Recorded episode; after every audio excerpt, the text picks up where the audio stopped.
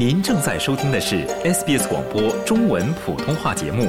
更多节目内容，请浏览 sbs 点 com 点 au 闲斜杠 mandarin，或下载应用程序 SBS Radio App。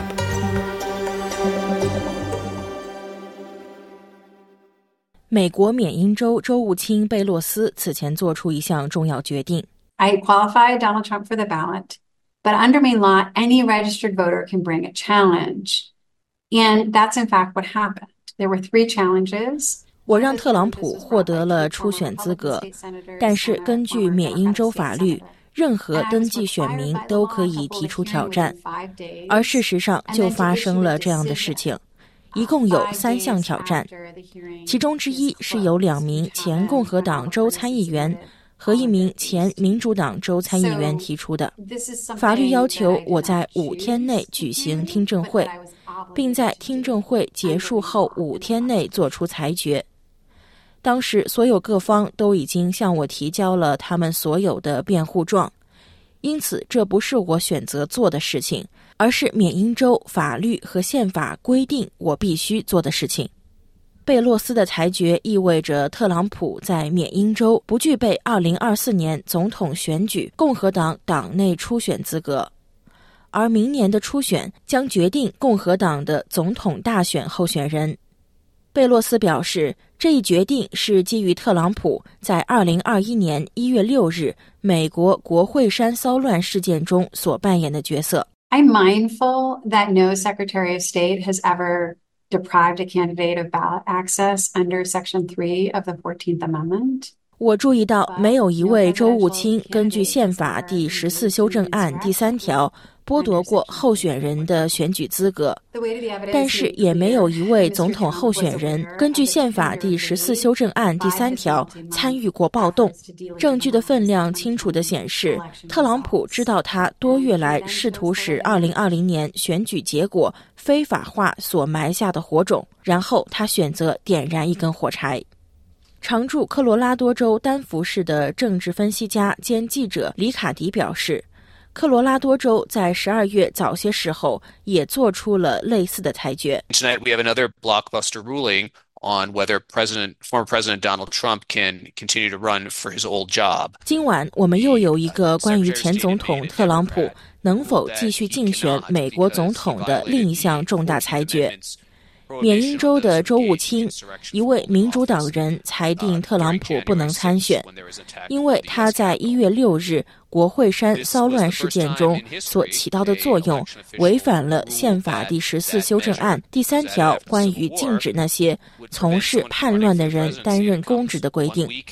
这是历史上第一次由选务官员裁定，南北战争后增加的这一法条会阻止某人竞选总统。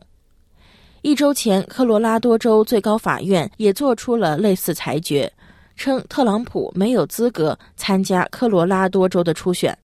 对此，特朗普及其支持者在其网站上发表声明。谴责这两项裁决，称其为党派迫害。The Maine Secretary of State is a former ACLU attorney, a virulent leftist, and a hyper-partisan Biden-supporting Democrat. 缅因州州务卿是一名前美国公民自由联盟律师，一名恶毒的左翼分子，一名极端党派分裂的支持拜登的民主党人。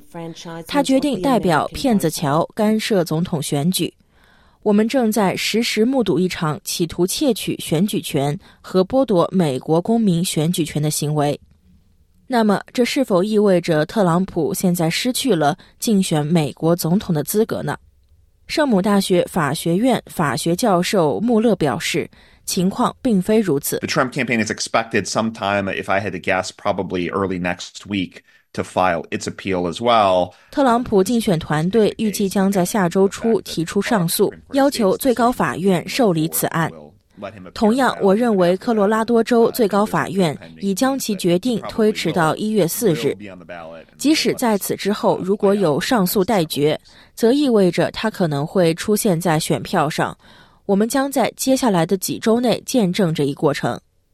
目前还不清楚其他州是否会做出类似裁决。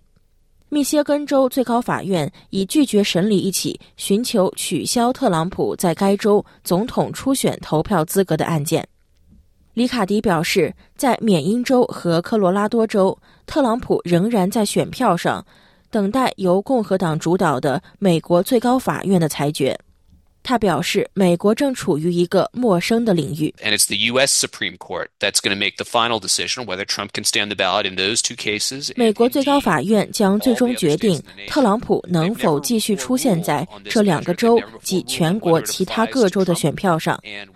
他们以前从未根据这一法条做出过裁决。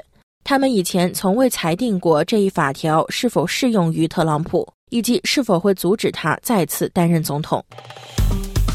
喜欢、分享、评论，欢迎您在 Facebook 上关注 SBS 普通话页面。